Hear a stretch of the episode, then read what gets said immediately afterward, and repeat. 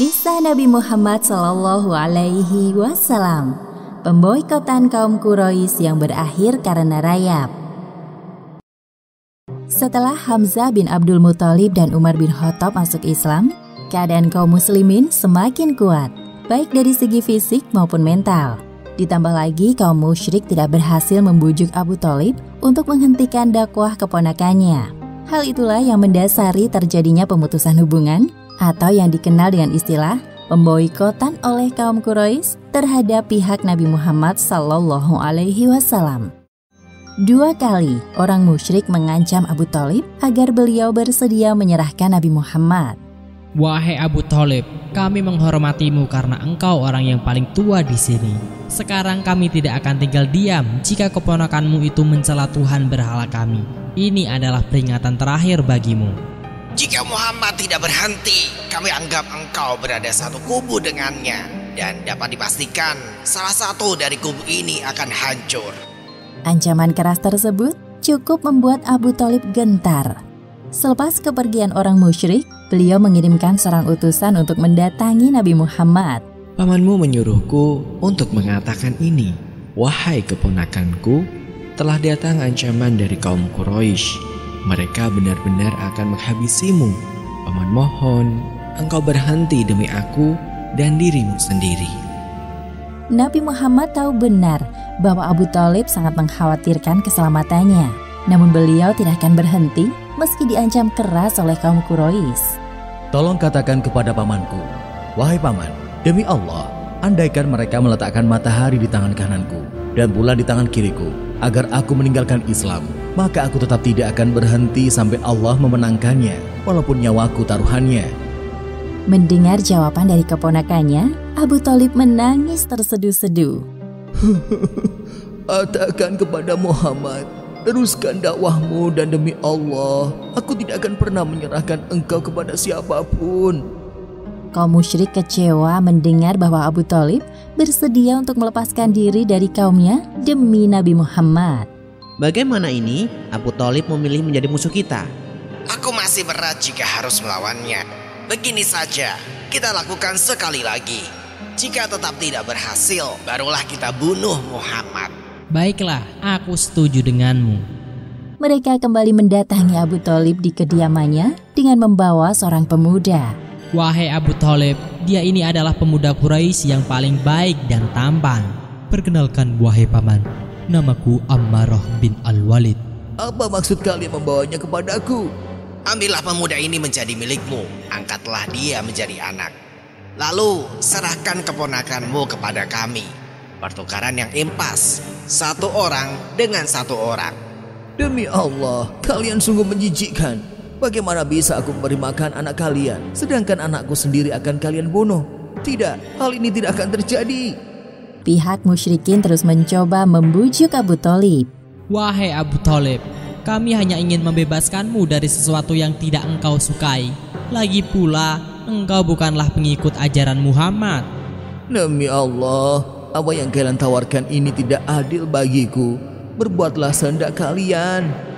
Abu Talib berpikir keras untuk menyelamatkan Nabi Muhammad dan pengikutnya. Aku khawatir mereka sedang berencana untuk membunuh Muhammad. Sekarang situasinya telah banyak berubah. Mereka tidak lagi segan untuk melukai Muhammad secara terang-terangan.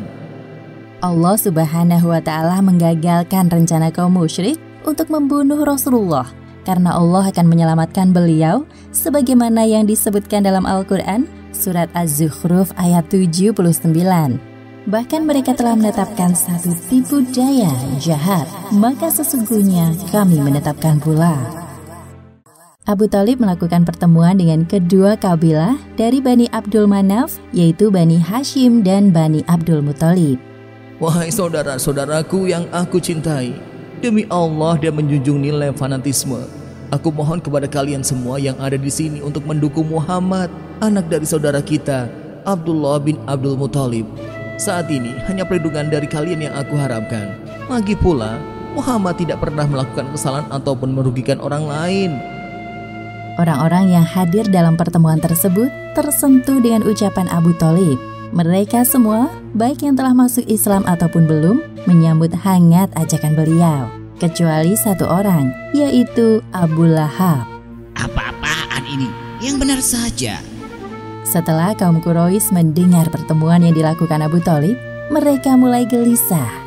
Sebaiknya kita tunda dulu rencana pembunuhan terhadap Muhammad. Aku khawatir akan banyak orang yang terbunuh hanya demi membelanya. Lalu apa rencana kita selanjutnya? Boykot pemutusan hubungan ini, itu solusi terbaik untuk saat ini. Orang-orang Quraisy berkumpul di markas Bani Kinana untuk membuat sohifah atau lembaran perjanjian yang berisi pemboikotan. Dilarang keras melakukan jual beli dengan kabilah Bani Hashim dan Bani Al-Muthalib. Tidak boleh menikahi seorang pun dari mereka. Juga tidak perlu berbicara atau berbaur, apalagi berkunjung ke rumah mereka. Semua itu dilarang sampai mereka bersedia menyerahkan Muhammad. Sebenarnya tidak semua orang Quraisy menyetujui isi perjanjian boikot tersebut. Ada yang bersikap kontra karena merasa keberatan harus berpisah dengan orang-orang yang mereka sayangi. Namun pihak yang kontra ini tidak dapat berbuat apa-apa. Jumlah mereka tidak banyak. Mansur bin Ikrimah adalah orang yang dipercaya untuk menuliskan Sohifah yang kemudian ditempelkan pada dinding di dalam Ka'bah. Kurang lebih tiga tahun lamanya pemboikotan kaum Quraisy berlangsung. Pihak Nabi Muhammad terpaksa mengungsi di perkampungan Abu Talib dengan keadaan memprihatinkan. Bagaimana ini? Kita tidak memiliki cadangan air. Mereka melarangnya masuk ke daerah kita. Apalagi mereka menjual bahan makanan dengan harga mencekik. Terpaksa kita makan dedaunan dan kulit binatang lagi. Wahai saudara-saudara seimanku, bersabarlah untuk saat ini. Pasti Rasulullah dan para sahabat sedang mencari solusi untuk masalah ini. Selama masa pemboikotan, tidak ada proses jual beli yang dilakukan secara terang-terangan. Jika ada rombongan dari luar Mekah yang datang, umat Islam terpaksa membeli dari mereka walaupun dengan harga yang mahal. Pada suatu hari, Hakim bin Hizam, keponakan Khadijah, berniat untuk memberikan gandum kepada bibinya. Namun di tengah jalan, ia dihadang oleh Abu Jahal. Mau ke mana engkau wahai hakim? Aku ingin bertemu dengan bibiku. Apakah salah? Bukankah engkau sudah tahu hal itu salah? Kenapa masih bertanya? Kemudian datanglah Abu al-Bukhturi bin Hisham yang membantu Hakim lolos dari Abu Jahal. Terima kasih banyak, wahai paman. Aku tidak akan melupakan kebaikanmu. Segera antarkan kepada bibimu, pasti ia sangat senang. Sementara itu, di kediaman Abu Talib, Wahai anakku, bisakah malam ini engkau tidur di ranjang Rasulullah? Tentu wahai ayah, dengan senang hati akan aku lakukan. Abu Talib melakukan hal ini untuk antisipasi jika ada orang yang berniat buruk terhadap Rasulullah. Secara bergantian, orang-orang mulai dari putra, saudara, keponakan diperintahkan untuk tidur di ranjang Rasulullah. Sedangkan Rasulullah tidur di ranjang mereka. Sepertinya sulit bagi kita untuk bertahan di tempat ini. Satu-satunya cara untuk keluar dari tempat ini adalah pembatalan Sokifah yang dibuat oleh kaum Quraisy. Aku yakin ada pihak yang tidak menyetujui isi dari Sokifah tersebut. Sesungguhnya Allah Subhanahu wa taala telah menggerakkan hati orang-orang Quraisy yang kontra dengan isi perjanjian yang dibuat oleh kaum musyrik. Mereka adalah Hisham bin Amru dari Bani Amir bin Lu'ai beserta empat orang kawannya. Diam-diam, Hisham menyuplai bahan makanan kepada pihak Nabi Muhammad.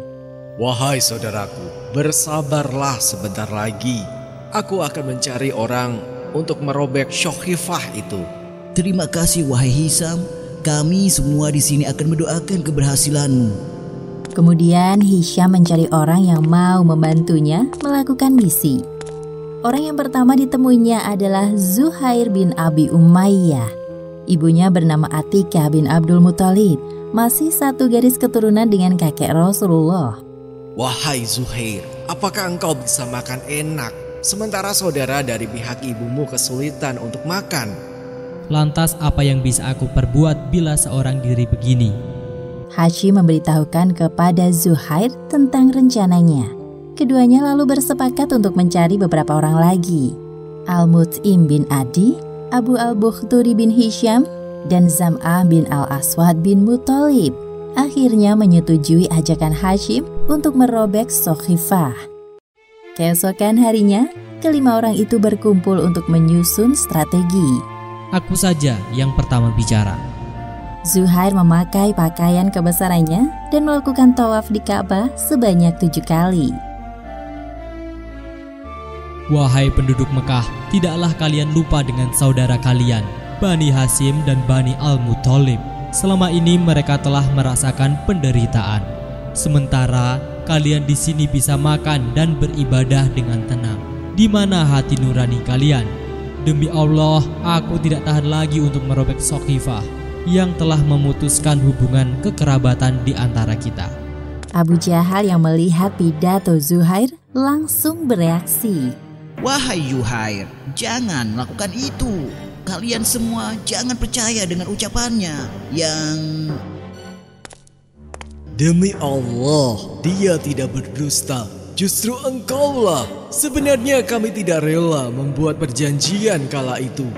Datanglah Abu Al-Bukhturi, Al-Mut'im, dan Hisham memperkuat argumen Zuhair dan Zam'ah.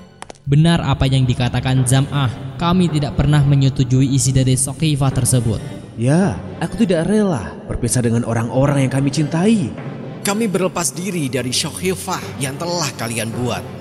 Abu Jahal yang diserang oleh beberapa orang merasa dirinya tersudutkan.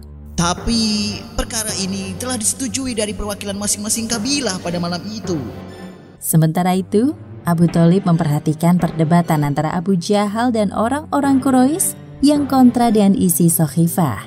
Kedatangan beliau membawa pesan dari Nabi Muhammad.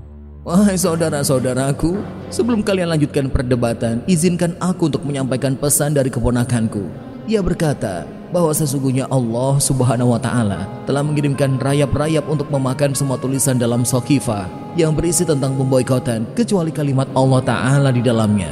Inilah bukti bahwa apa yang dikatakan orang-orang ini benar adanya. Aku setuju dengan ucapan paman Abu Thalib. Bagaimana jika kita buktikan sekarang? Buktikanlah. Al-Mus'im mengambil Sokhifah dan mengamatinya. Ternyata benar, semua rayap-rayap telah memakan tulisan tersebut, kecuali lafaz Allah di dalamnya. Subhanallah, Maha Suci Allah. Hah, benarkah itu? Ya, persis seperti apa yang disampaikan oleh paman Abu Talib barusan. Akhirnya orang-orang dari pihak Nabi Muhammad dapat kembali ke Mekah dan beraktivitas seperti biasa.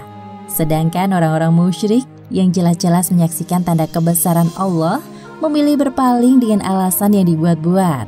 Aku semakin yakin bahwa rayap-rayap itu adalah bagian dari sihir yang dilakukan oleh Muhammad. Ya, sangat jelas terlihat. Demikianlah akhir kisah pemboikotan kaum Quraisy yang berakhir karena rayap. Hikmah yang dapat kita ambil dari kisah ini di antaranya, pertama, Sesungguhnya Allah Subhanahu wa Ta'ala telah menampakkan orang-orang yang berhati bersih dan memiliki kesabaran yang tinggi dalam memperjuangkan agama Islam. Yang kedua, pemboikotan ini berhasil mencegah masuknya orang-orang yang memiliki tujuan buruk terhadap Nabi Muhammad SAW. Wallahu alam bisawab.